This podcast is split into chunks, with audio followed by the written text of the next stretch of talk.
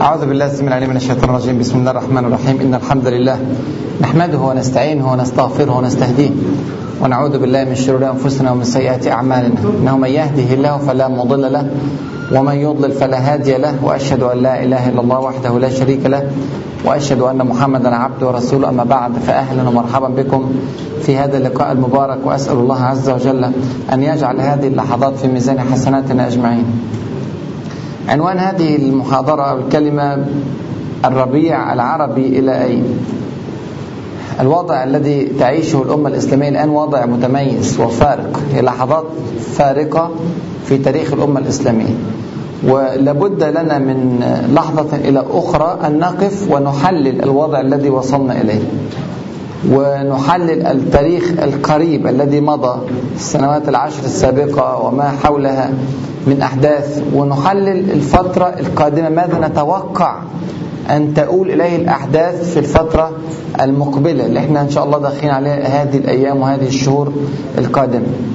إحنا قلنا بنعيش فترة فعلا فريدة جدا في تاريخ الأمة ولما تيجي تراجع تاريخ الأمة الإسلامية أو تاريخ أي أمة من الأمم بتلاقي المرحلة اللي إحنا عايشين فيها دي مراحل قليلة ونادرة ممكن تتكرر كل 30 40 سنة 50 سنة ممكن أحيانا كل 100 سنة.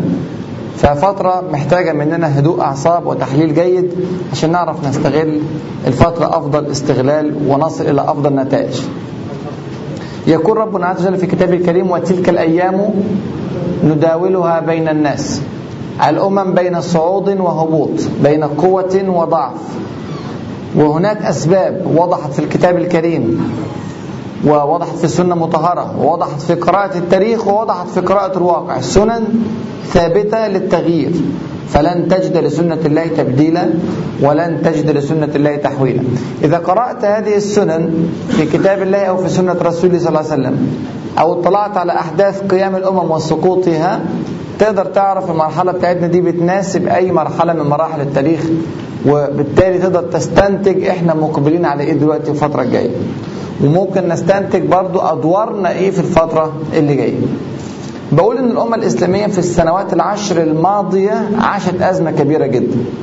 يعني لو أنت تيجي تحسب كده من سنة 2001 لحد دلوقتي لعل هذه من أقسى الفترات التي عاشتها الأمة الإسلامية. يعني من أول 2001 حصلت كوارث ضخمة جدا. بعد حادث سبتمبر في أمريكا شفنا احتلال أفغانستان وتركيا باكستان. الكلام ده كان في 2001 وحصل تطور في 2002 لو مطلعين على خريطة العالم الإسلامي كله هتجدوا في 2002 فصلت تيمور الشرقية عند أندونيسيا برضو بمخططات كبيرة لكن تم الفصل في ذلك الوقت فقدنا جزء من العالم الإسلامي وكان طبعا ده تمهيد لفكرة ومبدأ ممكن يطبق في أماكن أخرى. في 2003 طبعا حصلت كارثة ضخمة هائلة وهي احتلال العراق في عمق العالم الإسلامي. فأصبح واضح أن العالم الإسلامي بيترنح. في صدمات متتالية. أفغانستان دولة كبيرة وفي عمق العالم الإسلامي كذلك وبتدي زاوية 360 درجة تقريبا على مناطق إسلامية حواليها وركعت أفغانستان باكستان الدولة النووية الوحيدة في العالم الإسلامي. وبعدها فصلت تيمور الشرقية من أندونيسيا بعدها احتلت العراق في عمق العالم الإسلامي برضو. وطبعا ديت بتديها المحتل اللي هو أمريكا بتدي له رؤية برضو واسعة لمعظم بلاد العالم العربي والإسلامي.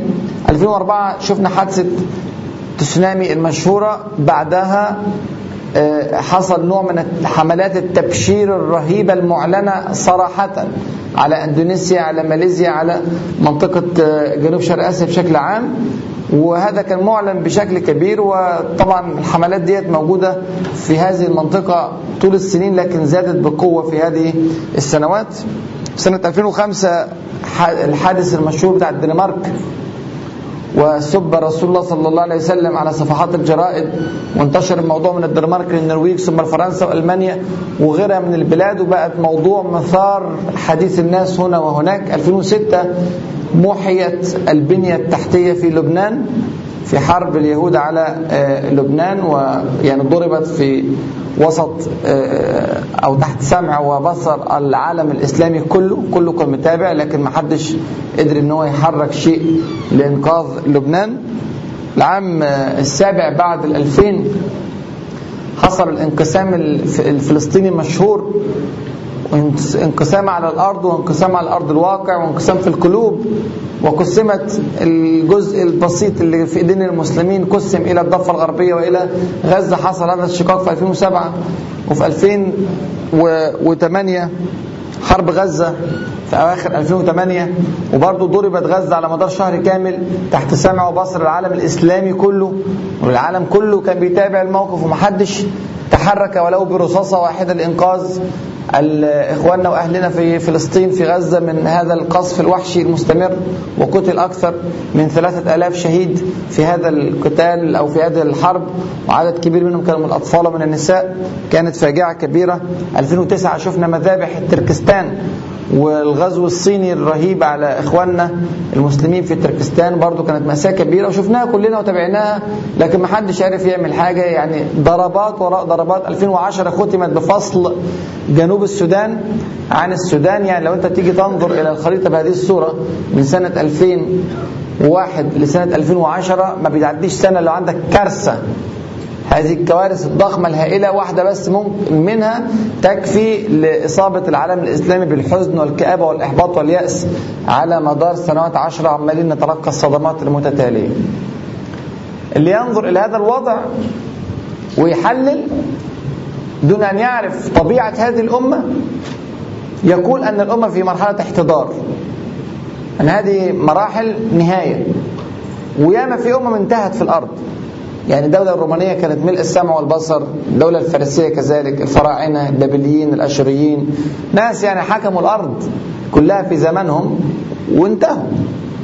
فممكن حد بيحلل يقول لك والله هذه مرحلة احتضار لهذه الأمة ونشوء أمة جديدة. لكن أمة الإسلام حقيقة أمة كما قلت كثيرا في محاضرات سابقة أمة لا تموت. هي أمة باقية إلى يوم القيامة. وهذا وعد من رب العالمين سبحانه وتعالى وهي تحمل الرسالة الأخيرة من الله عز وجل إلى خلقه. الرسول صلى الله عليه وسلم آخر الأنبياء والشرع الإسلامي آخر أنواع التشريع. ومفيش دين بعد دين الإسلام مفيش نبي بعد نبي الإسلام صلى الله عليه وسلم. فإذا فنيت أمة الإسلام ضاعت الغاية من الخلق. يعني مين اللي هيوصل للناس المعلومة كيف يعبدون الله عز وجل حق عبادته؟ كيف يلجؤون إليه ويتوكلون عليه ويظنون في يوم يبعثون فيه بين يديه؟ من يعلم الناس هذه المعلومات؟ إن فنيت هذه الأمة. فوعد الله عز وجل بإبقائها. نعم من الممكن أن يستبدل جيل. يعني في ناس يعني تنقص على عقبيها ولا تقوم بدورها فربنا سبحانه وتعالى يستبدلها ويأتي بغيرها. يا أيها الذين آمنوا من يرتد منكم عن دينه فسوف يأتي الله بقوم يحبهم ويحبونه أذلة على المؤمنين أعزة على الكافرين يجاهدون في سبيل الله ولا يخافون لومة لائم والآيات على هذا المنوال كثيرة في القرآن الكريم. آيات الاستبدال. ممكن يذهب جيل ويأتي جيل لكن تبقى الأمة موجودة مهما توالت الضربات. بالعكس يا إخوانا إذا زادت حدة الضربات بهذه الصورة الفترة اللي فاتت دي العشر سنين ديت أنا بسميها في محاضرة سابقة لعل بعضكم سمع على الموقع عندي على قصة الإسلام islamhistory.com هي محاضرة زمن وضوح الرؤية. كنت بسمي هذه الفترة زمن وضوح الرؤية وأنا كنت قايل الكلام ده أول مرة قلته سنة 2003 وقلت إن الفترة دي قصيرة جدا وهتخلص في غضون عشر سنوات أو أقل. اللي هي الفترة اللي عايشينها. وبدأت في 2001 وكنا قاريين هذا الكلام ساعتها وإننا قريبين جدا جدا على لحظات تغيير فارقة في تاريخ الأمة. لكن لازم نستحمل شوية. هيكون في شوية إيذاء وهيزيد الإيذاء. سمة زمن وضوح الرؤية هذا إن الضرب بيزيد قوي في الأمة الإسلامية وال... والأزمات والآلام والأحزان بتكتر قوي. فبحيث في النهاية لا يكمل هذا الطريق إلا المؤمن حقا. لأن من كتر الضربات أنت ممكن تيأس فتقع وتتثاقل وتسقط. هؤلاء لا يستطيعون بناء الأمة. لكن اللي بيكمل الطريق وسط كل هذه الأزمات هو فعلا اللي ممكن على كتافه تتبني الأمة من جديد بداية صحيحة أو في شكل يرضى عنه الله عز وجل. فالضربات دي ما كانتش بتؤلمنا.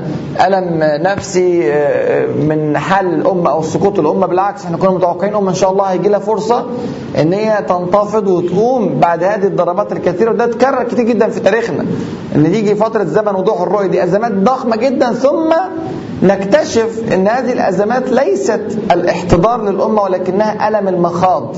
ده ميلاد للأمة. الأمة بتتولد دلوقتي من جديد. وبتيجي لحظة الميلاد أبعد ما تكون عن أذهان الناس. وبأبعد الوسائل عن أذهان الناس. وزي ما كنت بقول في شرايط السيرة النبوية محاضرات السيرة النبوية لما كنت بتكلم عن فتح مكة لو أنت تيجي تحط ألف سيناريو لفتح مكة الفتح بيجي بالسيناريو رقم ألف واحد اللي انت ما عملتش ليه حساب الطريقة اللي انت ما توقعتهاش.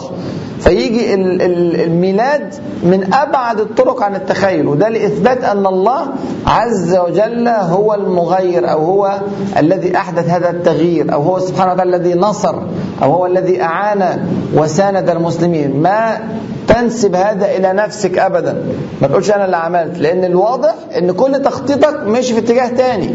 وربنا أتى بالنصر من حيث لا تتوقع ومن حيث لا تحتسب. لو أنا في العشر سنين ديت عمال أحط يا ترى أنا كحركة إسلامية وكناس حريصة على التغيير وكناس دعاة ومجددين وعلماء وشباب وكل الناس. عمالين طب يا ترى نخرج إزاي من الأزمة ديت؟ نعمل إيه؟ أنت حط سيناريو وأنا أحط سيناريو وأنا أحط كل واحد يحط سيناريو لا يمكن ابدا فينا حد هيحط السيناريو اللي تم بالفعل سنة 2011 اللي إحنا شفنا بوادره كده بهذه الصورة العاجلة أولا بداية التغيير حصلت من آخر دولة ممكن تتوقع أن يحصل التغيير من عندها. يعني تونس لو أنا أجي أقول الأنظمة العلمانية القح شديدة العلمانية متربصة جدا جدا بالإسلام وتكرهه لعلي كنت أذكر مثالين في العالم الإسلامي كله من عشر سنين مثلا تركيا وتونس. ويجي الصحوة الإسلامية في أبهى صورها نشوفها دلوقتي ما شاء الله في تركيا والحركة الإسلامية والنشاط والعلو والتمكين وربنا سبحانه وتعالى يبارك في خطواتهم ويعلي من قدرهم ويثبت أقدامهم في تركيا وبعدها يحصل التغيير العربي وبداية الثورات من آخر بلد ممكن تتوقع أن يحصل فيه ثورة عربية أو خروج على النظام أو خروج.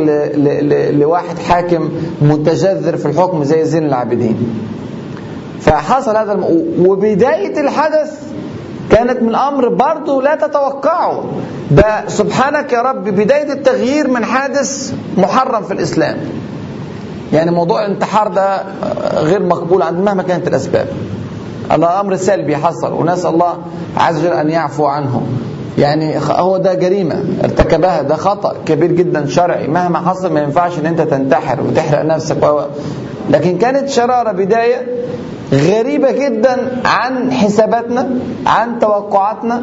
في بلد غريب جدا يحصل فيه قتلت الدعوة الإسلامية فيه من سنين طويلة جدا ومعظم رموز الدعوة الإسلامية إما سجنوا وإما هجروا من البلد نفوا من البلد أو قتلوا. يعني ما فيش أبدا أي صوت مسموع في بلاد لا تصلى فيها صلاة الجماعة بشكل منتظم لا يقر فيها الحجاب فيها الميراث الرجل كالمرأة فيها ممنوع الزواج الثاني بالقانون فيها الخمور فيها كذا. كلنا عارفين النظام في تونس كان شكله إيه.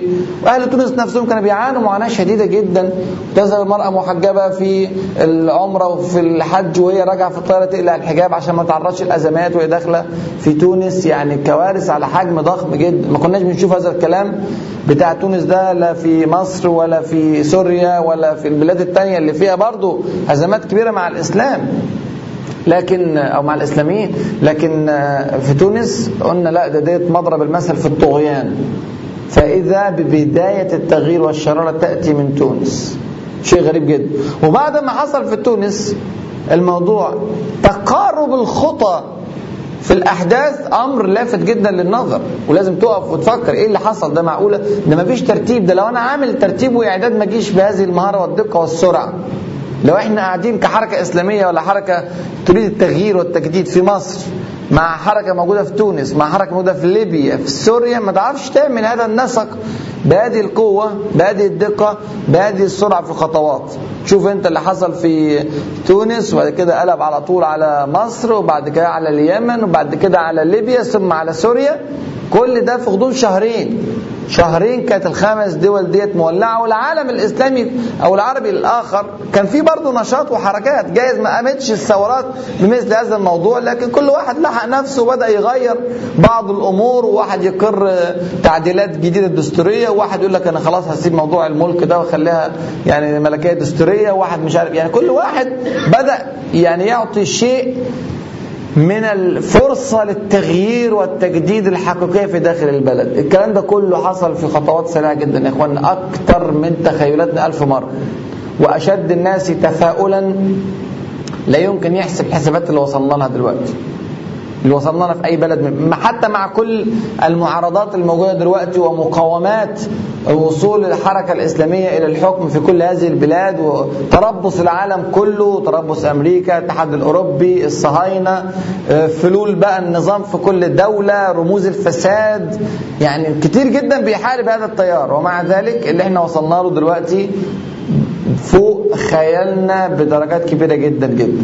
الكلام ده كله بيقول إن ديت إن شاء الله تكون لحظات مخاض وولادة للأمة الإسلامية من جديد. لكن الأمة كي تولد وتشب لا شروط.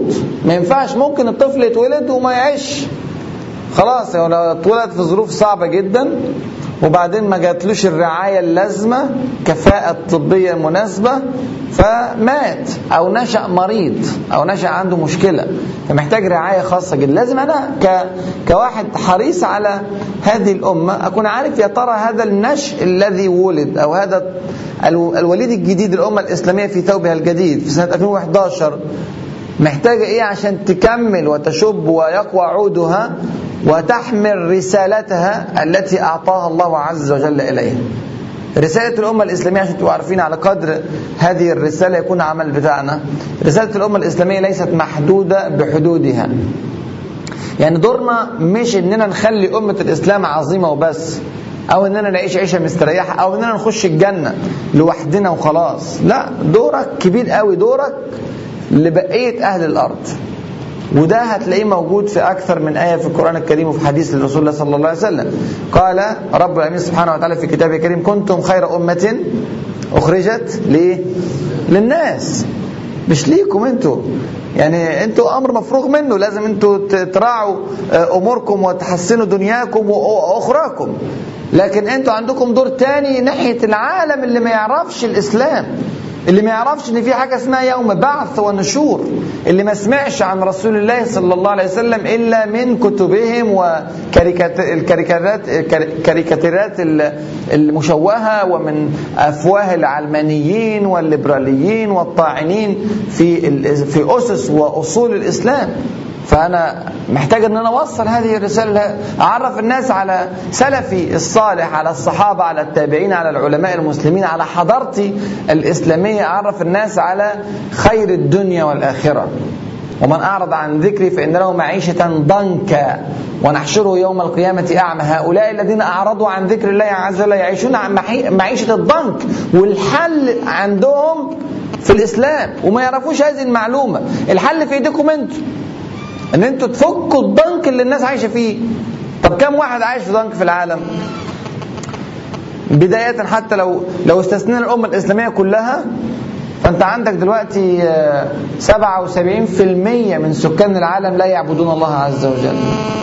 تخيل أنت 77% المسلمين 23% من سكان الأرض. 77% منهم 2 مليار بيعبدوا بشر من دون الله عز وجل. منهم مليار بيعبدوا بقر من دون الله عز وجل. تخيل في الهند ألف مليون.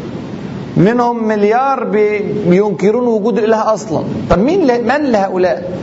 مين للملحدين دولت والوثنيين وعباد البشر ومين ليهم؟ من الذي يحمل الرسالة إليهم؟ فلازم الأمة الإسلامية تولد بقوة عشان تشيل هذا الدور الضخم الذي أوكل إليها. وما أرسلناك إلا رحمة لمين؟ للعالمين. هذا مهم. كان النبي يبعث في قومه خاصة. وبعثت للناس عامة. قل يا أيها الناس إني رسول الله إليكم جميعا.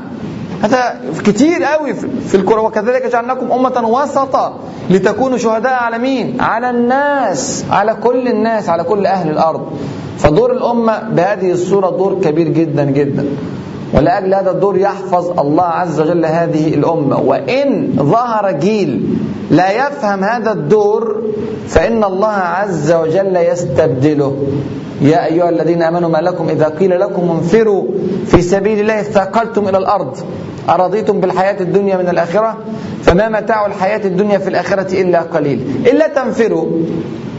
يعذبكم عذابا أليما ويستبدل قوما غيركم. ولا تضروه شيئا. القضية كن فيكون. استبدال جيل ويأتي جيل آخر. أنا أتوقع أن هذا الجيل اللي جه الحمد لله هو الجيل الذي اختاره الله عز وجل وأعطاه هذه الفرصة. يعني أنت عندك الفرصة لقيادة الأمة من جديد لتقوم بدورها ناحية أهل الأرض جميعا. فلو تقاعس هؤلاء أو قلت طموحات طموحاتهم أو قلت عزيمتهم إنهم يقدروا يشيلوا هذه الدور, الدور الكبير وعاشوا فقط من أجل معاش آه، لطيف واقتصاد متحسن ودنيا يعني يحيون فيه وخلاص انتهت آمالهم عند هذا الحد. فيستبدل هذا. هؤلاء ويأتي قوم آخرون يحملون الرسالة حق الحمل ويصلون بها إلى كل مكان في الأرض كما يريد رب العالمين سبحانه وتعالى ويرضى. فأنا محتاج أفهم هذا المفهوم في هذه الفترة أن أنا في لحظة فارقة وإن أنا بحمل رسالة للناس كلها وإن شقاء الأمة الإسلامية وانتكاستها يعني شقاء العالم أجمع وانتكاسة العالم أجمع. وإن قوة الأمة الإسلامية وعودتها إلى دينها هي فيها صلاح وخير وبشرى للعالم أجمع من شرقه إلى غربه. العالم كله بيستفيد من صلاح الأمة الإسلامية. طيب أنا إزاي إن أنا يعني آخد وسائل عملية أفهم بيها إن أنا في المرحلة الجاية المفروض أتحلى بإيه ويكون أهدافي إيه وخططي عشان أكمل نمو الوليد؟ هذا هذه الأمة التي ولدت في هذه الظروف الصعبة بإذن من الله عز وجل. إزاي ممكن أنا أنمي هذا الوليد وأنشطه بحيث أن هو يقوم بالدور بتاعه؟ أولا لازم أفهم من أين أتى التغيير. التغيير أتى من عند رب العالمين سبحانه وتعالى. وهذه حقيقة ظاهرة. مهما قعدت تحلل في الثورات وتقول والله حصل تنسيق ما بين كذا وكذا والشرارة كانت كذا والفيسبوك والشباب ومش عارف ونقعد نكبر في حاجات كتيرة جدا دون أن ننظر إلى البعد الرباني في القصة. وإن فعلا هذه آية من آيات الله عز وجل. ولو تقعد تحسبها ألف مرة بعد كده لا يمكن تيجي بهذه الصورة اللي تمت. إحنا حتى بعد ثورة تونس كنت عملت كتاب قصة تونس ما بين ثورة تونس ومصر. ونزل الكتاب موجود في الأسواق. هذا الكتاب نزل بين الثورتين. وكان توقعي وتوقع الناس كلها ساعتها. وحتى أنا فاكر إن أنا كنت في الحرم النبوي في الحرم المكي وبتكلم مع واحد صاحبي في موضوع آه، كانت لسه ثورة مصر ما قامتش. كان لسه قبل ثورة مصر ما تقوم بأيام قليلة جدا يوم أو يومين. وبيقول لي ممكن اللي حصل في تونس ده يحصل عندنا. قلت له ربنا سبحانه وتعالى قادر على كل شيء. بس عارف ده عامل زي إيه؟ عامل زي ما يكون أنت وراك آه، آه، آه، علامة النشان ديت اللي هي فيها نقطة في النص وحواليها دواير وواحد مسك السهم وقام راميه ورا ظهره كده قام جاي في السنتر بالظبط. وعايز تعمل كده تاني. طب لو المره الاولانيه جت؟ يعني قدر الله سبحانه وتعالى إنه تيجي في النص. لكن تاني مرة وبدأت لما أنت شفته وقف عمل كده فجت فانت انت رايح واقف مدي ظهرك للنشان وضربه مش المفروض تقف كده المفروض تقف وتوش وتدي وشك وتنشن وتجهز قوتك وتعد رمايتك. لكن اللي حصل هو كده فعلا. إن الناس وقفت كلها بظهرها في ظروف صعبة للغاية لا فيها إعداد ولا فيها ترتيب. يوازي إعداد الدول اللي بتحاربك. يعني أنت بتحارب مقدرات دولة كاملة.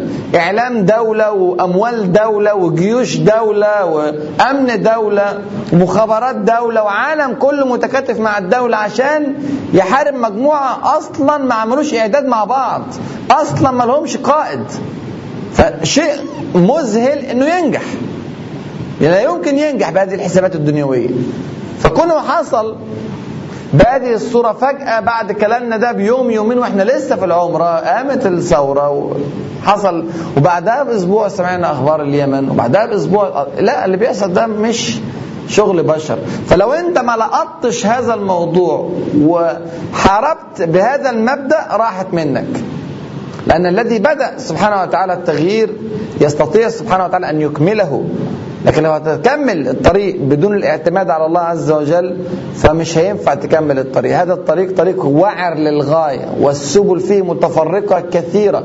وإن لم تهدى برب العالمين لن تكون هناك هداية في هذا الطريق.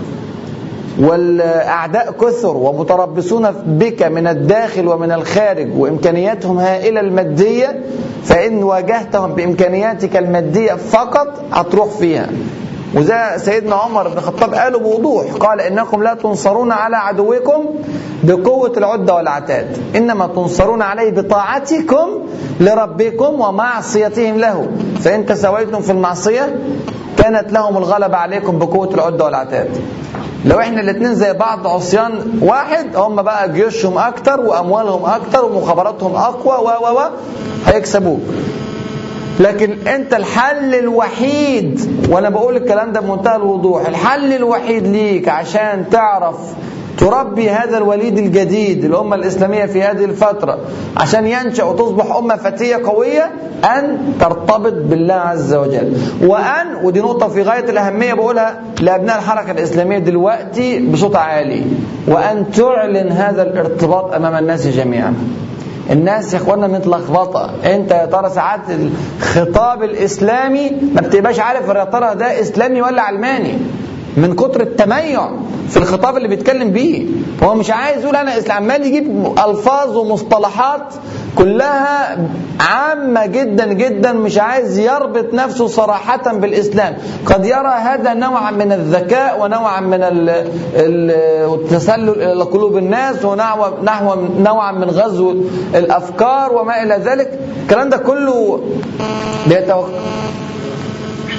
أهلا وسهلا. عليكم السلام ورحمة الله وبركاته. الله الحمد الله اكبر أهلا وسهلا. gear box gear box gear بالعكس آه. شد ايدي لا لا شد هوب بسم الله الواد ده فوق آه اقعد معاك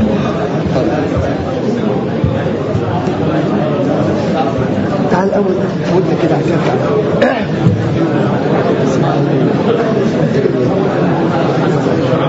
الله يجزاك معلش أنا اسف والله يرضيك صح بس رجال خاصة على كده افرض لا لا لا اصل عاملها حط بالحلو لازم حد يستأذنني إن شاء الله. اصل عندي محاضرة أنا عارف. عارف خط فين الله يكرمك. جزاك الله خير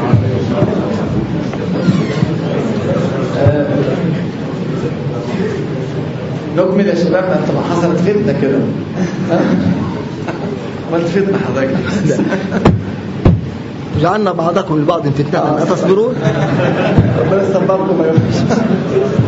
فنرجع نقول إن أنا لابد أن أعلن هذا. هذه الفترة يا اخوانا متميزة جدا في تاريخنا. يعني أنا ما ينفعش في هذه الفترة أكون متميع يعني لو كان مسموح ليا في فترة سابقة إن أنا أعبر عن إسلامي بطرق معينة عشان الظروف وعشان كذا وكذا ما ينفعش دلوقتي. والناس عايزاك صريح وعايزاك واضح منهجك وانت منهجك أشرف المناهج وأعظم السبل والطرق وهو الهداية الحقيقية للمسلمين ولغير المسلمين. فلازم أنا أعلن كده بفخر وبعزة وبقوة أنني مسلم وأن منهجي إسلامي وأن طريقي هو طريق الرسول صلى الله عليه وسلم وأن شرعي يعتمد على القرآن والسنة. هكذا بمنتهى القوة والوضوح. ما بقاش مكسوف ومطاطي راسي ومعلش ظروف وإن شاء الله يعني هنتدرج ومش هنطبق كل الشريعة والآن مع الناس. آه ما فيش مانع من التدرج في التطبيق لكن لازم أنا أعلن إن أنا عندي خطة تدرج. يعني أنا أصل في النهاية إلى تطبيق الشرع كاملا. مش أنا مستحي من بعض البنود مش هعملها وبعض هعملها ابدا. حاشا لله وما كان لمؤمن ولا مؤمنة إذا قضى الله ورسوله امرا. أن يكون لهم الخيرة من امرهم ومن يعص الله ورسوله فقد ضل ضلالا مبينا. فلو أنا ما وصلتش هذه الرسالة بهذا النقاش شوف الآيات قد إيه واضحة؟ قد إيه نقية؟ قد إيه فيها مفاصلة بين أهل الحق وأهل الباطل لا للتميع في هذه الفترة؟ هذه الفترة فترة الميلاد للأمة الإسلامية. عدينا بألم المخاض في السنوات العشر الماضية. تعرضنا لأزمات كثيرة. فرصتنا حتى نشب على أقدامنا وننشر نشاطا سليما صحيحا في الاتجاه القوي إننا نعلن هذه الإسلامية بمنتهى الوضوح ومنتهى القوة. فديت نمرة واحد إن أنا أوضح منهجي للناس وما بقاش قابل بأي نوع من اللبس في هذا المنهج. مرجعيتي الإسلامية واضحة ومعلنة وصريحة ولا تنازل فيها. ما ما ما عندي أصلا صلاحية التنازل فلا وربك لا يؤمنون. لا يؤمنون حتى يحكموك فيما شجر بينهم. ثم لا يجدوا في أنفسهم حرجا مما قضيت ويسلموا تسليما. فهذا لابد أن يكون هو شعار الأمة الإسلامية والحركة الإسلامية والنهضة الإسلامية في هذه الفترة الحساسة في تاريخ الأمة الإسلامية لحظة الميلاد هذه. النقطة الثانية أن نصر الله عز وجل لا ينزل على المتفرقين لا ينزل على المتشرذمين لازم الأمة الإسلامية تبقى إيد واحدة في مثل هذه الظروف الصعبة اللي بنعدي بيها إيد واحدة لازم تبقى إيد واحدة ككتلة إسلامية حريصة على تطبيق هذه الشريعة. وأنا بقول الكلام ده وأنا عارف ان إن إن الامه الأمة الإسلامية في غضون السنوات الماضية تفرقت إلى أحزاب كثيرة وإلى شيع متعددة ودارت بينها يعني معارك لفظية وأحيانا بالسلاح. أنا عارف أننا مرينا بأزمات كبيرة لكن الآن فرصة كبيرة جدا جدا لتوحيد الصف. بكل تياراته بكل عناصره إخوان وسلفيين وأنصار سنة وأزهر وتبليغ ودعوة وناس مش منتمية لاتجاهات عندها فحمية للإسلام وعندها فطرة سليمة. كل ده كل من أراد أن يرفع هذه الراية الإسلامية ويعز دين الله عز وجل لازم لازم يحط دي في دين أخوه اللي عنده نفس المنهج. واللي عنده نفس الرغبة وعنده نفس الحمية. لو حصل التنازع الداخلي ما بين تيار وتيار مع إن الاثنين عايزين تطبيق شرع ربنا سبحانه وتعالى لا ينزل النصر لا ينزل على المتفرقين. إنما نتيجة التفرق الفشل. ولا تنازعوا فإيه؟ فتفشلوا. هذا كلام واضح. وتذهب ريحكم واصبروا ان الله مع الصابرين. يعني إيه اصبروا ليه التعليق هذا؟ لأنه صعب إن أنا واحد نفسي مع غيري. أنا عارف إن هو صعب. محتاجه صبر محتاجه إن أنت تتنازل لأخيك. لا تتنازل من الشرع لكن تتنازل لأخيك. الآراء متعددة في القضية الواحدة. مش لازم رأيك ينفذ في كل القضايا. هاخد مرة رأي وهو ياخد مرة رأي ونقعد مع بعض بحب وألفة ومودة ناخد في الآخر رأي واحد. أعداؤنا لن يقبلوا بهذا الموضوع. وهتلاقي الإعلام والاعلام المصري تحديدا والإعلام العالمي بشكل عام بيرمي دائما إلى وضع الشقاق بين التيارات الإسلامية المختلفة ويضرب ده بده ويستضيف ده ويسأله سؤال معين يعلق تعليق سلبي على تيار آخر بحيث يضرب ده بده لأن هو يرى إن وحدة هذا الصف خطيرة جدا عليه. وكلمة شاس بن قيس كلمة مشهورة جدا. لما قال إن لا والله يا يهود إذا اجتمع بني قيلة لا مقام لكم بالمدينة. لو اجتمع الأوس والخزرج لا مقام لليهود بالمدينة. لو اجتمع الفلسطينيون لا مقام لليهود في فلسطين. لو اجتمع المصريون الإسلاميون لا مقام للعلمانيين ولا للإبراهيم في هذا الحكم وتحكم البلد ترجع تحكم تاني بكتاب الله كما أراد الله عز وجل هذا البلد الأمين. ف لكن طول ما في فرقة في الصف شاس بن قيس راح زق واحد عشان يعمل شقاق بين الأوس والخزرج. حتى تعرفوا كيف أن المكر هذا يؤتي ثماره. حصل. وقام الأنصار. الأنصار اللي هو آية الإيمان حب الأنصار. و و وآية النفاق بغض الأنصار يعني قمة القمة. ومع ذلك أثر فيهم هذا الكيد وهذا المكر. فخرجوا إلى الحرة وقالوا السلاح السلاح. وبدأ يقتتل الأوس مع الخزرج. ولسه إحنا قبل بدر ده لسه الرسول صلى الله عليه وسلم مهاجر للمدينة منذ أيام أو شهور قليلة. يعني ممكن الشر يأتي هذه الثمار الضخمة الهائلة إن كان قد أتاها في ذلك الزمن فهو على إتيانها في زماننا أقدر وممكن يحصل. لكن إيه الحل؟ الحل إن الرسول صلى الله عليه وسلم ساب كل حاجة في ايديه وجري بسرعة على هذه. أزمة ضخمة جدا. ساب كل حاجة. واول حاجة قالها الله الله.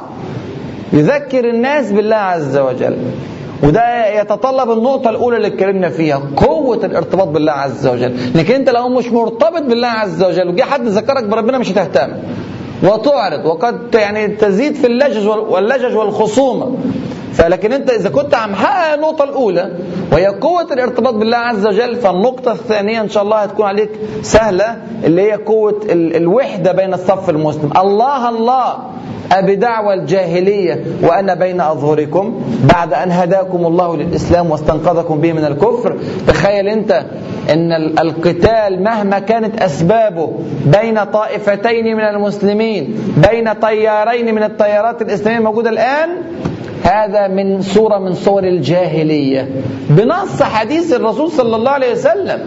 أبي دعوة الجاهلية. ما تقولش أصل أنا مبرراتي كذا أصل هو قال كذا. هل في هذا الموقف يا إخواني؟ الرسول عليه وسلم سأل الأوس والخزرج مين اللي عمل المشكلة في الأول؟ مين أصل القصة؟ إيه اللي حصل بينكم؟ ولا فتح الموضوع ده بالمرة. قتالكم ده أيا كانت أسبابه غير مقبول. هذا ايا كانت الأسباب. واحد مخالف والتاني مش مخالف اصله عمل كذا. ما سألش. هذه دعوة جاهلية. لا يحق لك لا يحل لمسلم لا يحل لمسلم أن يهجر اخاه فوق الثلاث. يلتقيان فيعرض هذا ويعرض هذا وخيرهم الذي يبدأ بالسلام. ما ده بنتكلم على ثلاث أيام. ما فيش شقاق بيستمر سنوات.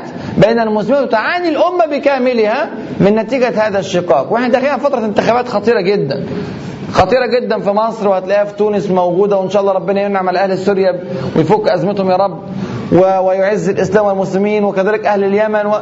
هذه التغيرات اللي بنشوفها حوالينا لو حصل ونزل الإسلاميين قدام بعضهم البعض وضربوا بعض في الانتخابات. وحاربوا بعض إعلاميا راحت خلاص لم تعد مستحقا لنزول النصر. خلي بالك النصر كله في النهاية من عند ربنا سبحانه وتعالى. وما النصر إلا من عند الله. لا بشطارتك ولا بذكائك ولا فهلوه ولا كلام من ده كله. هو بينزل من عند ربنا سبحانه ورأينا الآيات في هذه الثورات. وقلنا قبل مرة في أول المحاضرة أنه من المستحيل بحال من الأحوال أن تتوقع هذه النتائج لأنها نتائج من عند رب العالمين سبحانه وتعالى خارجة عن حسابات البشر. فإذا كان هذا تم في الأولى فسيتم في الثانية وفي الثالثة إذا ارتبطت بنفس المنهج مع الله عز وجل. هو قادر أنه ينزل علينا النصر بالطريقة التي يريد وفي الوقت الذي يريد وتلاقي الحكم جاي للمسلمين أفضل ما يتمنوا ألف مرة. طموحاتك أنك تاخد 50% هيديك 90% طموحاتك إن أنت تنتصر في معركة جزئية هيديك انتصار في معركة كلية. طموحاتك تحرر غزة هيخليك تحرر فلسطين كلها. وهكذا هو قادر على كل شيء. بس المهم تكون أنت أهل لهذا النصر يبقى نمرة واحد قوة الارتباط بالله عز وجل. نمرة اثنين الوحدة بين صف المسلمين ومش عايز أسمع أعذار. أصل ده عمل كذا قال كذا. لا قدم أنت واشتغل شغلك كله إن الصف يتوحد. والحاجة الثالثه والأخيرة إنك تاخد بالأسباب. ومفيش واحدة من دولت بديل عن الثانية يعني مش أنا خدت بالاسباب وعندي الضعف في الوحدة شوية فمعلش الدنيا تمشي مش هتمشي. لازم الثلاثه مع بعض. لازم تكون معتمد على الله عز وجل. وموحد صفك الإسلامي واخد بكل أسبابك. واخد بأسباب الخطة واخد بأسباب الاقتصاد واخد بأسباب الإعلام وده خطير جدا جدا. ساعات إحنا عندنا بضاعه في منتهى الروعة ومش عارفين نسوقها للناس. يعني إحنا دلوقتي عاملين نصرخ في هذه المحاضرة. بهذه المعاني. مين اللي بيسمعها؟ كلكم ما شاء الله إسلاميين. طب والناس اللي بره اللي ما بتسمعش هذا الكلام. طب والناس اللي بتتفرج على التلفزيون و... ويلعب أهل الباطل في آذانهم وفي قلوبهم صباح مساء. من الذي يرد على هؤلاء؟ والجرايد اللي طالعة عليه النهار بتتكلم والكيد والمكر والدس. كل هذا من الذي يرد عليه؟ ساعات البضاعة بتاعتنا مش عارفين نوصلها للناس. لازم توصلها للناس. تتصرف. يبقى أنا بذلت جهدي. لو أنت عندك القدرة على فتح قناة إعلامية واحدة ربنا هيحاسبك على واحدة. لكن لو عندك القدرة تفتح ثلاثة وفتحت واحدة فأنت مقصر. موقعك على الإنترنت يا ترى بيوصل للناس بنفس الكفاءة اللي بتوصل ليهم المواقع الإباحية والمواقع الماجنه والمواقع الفاجرة والمواقع كذا وكذا وكذا؟ هم بيستخدموا تقنيات معينة ودعاية معينة وإنفاق معين. بتعمل كده ولا يعني بتقول إنك متوكل تحط المعلومة وخلاص؟ لا لازم أسوق لها. وزي ما كان الشيخ الغزالي الله يرحمه كان بيقول الإسلام يعني بضاعة رابحة في يد تاجر فاشل. للأسف أو قضية ناجحة في يد محام فاشل. أنت قضية في منتهى القوة. أنت معاك حجة الله البالغة. مفيش أحسن من كده. القرآن والسنة لا يأتيه الباطل من بين يديه ولا من خلفه. تنزيل من حكيم حميد. يعني لو حد يجي يناقشك ويحاورك في قاعدة من قواعد الإسلام الحجة معك مئة بالمئة. مئة بالمئة. لكن أنت تكون عارف هذه الحجة وعندك قوة العرض وقوة الطرح وقوة الإلقاء والثقة في النفس والثقة في الله عز وجل ورافع راسك وفخور باللي بتقوله.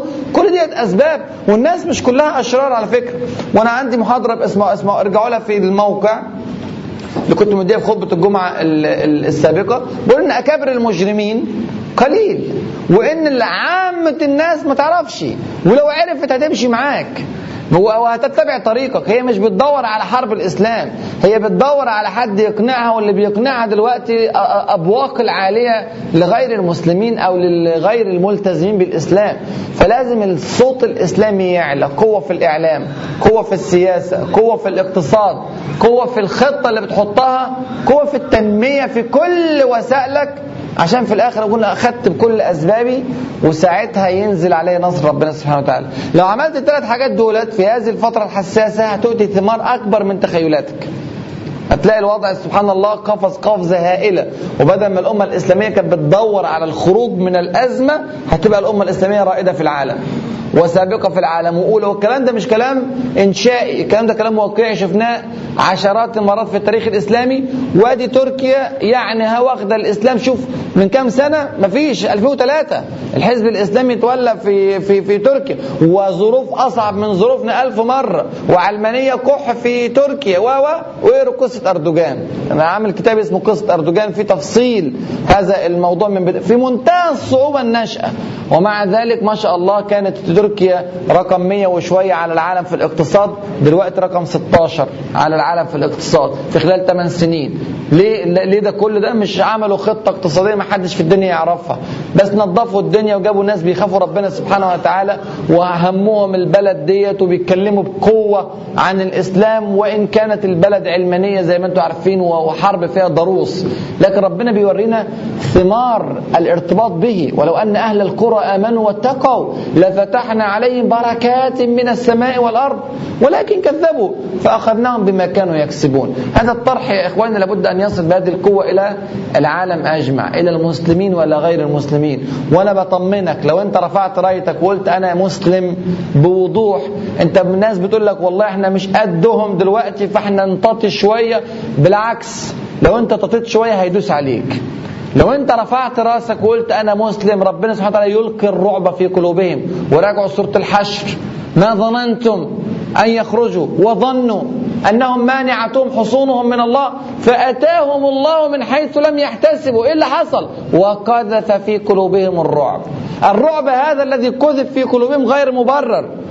قوة المسلمين مش القوة المخوفة اللي ترعبهم وسلاح المسلمين وأعدادهم.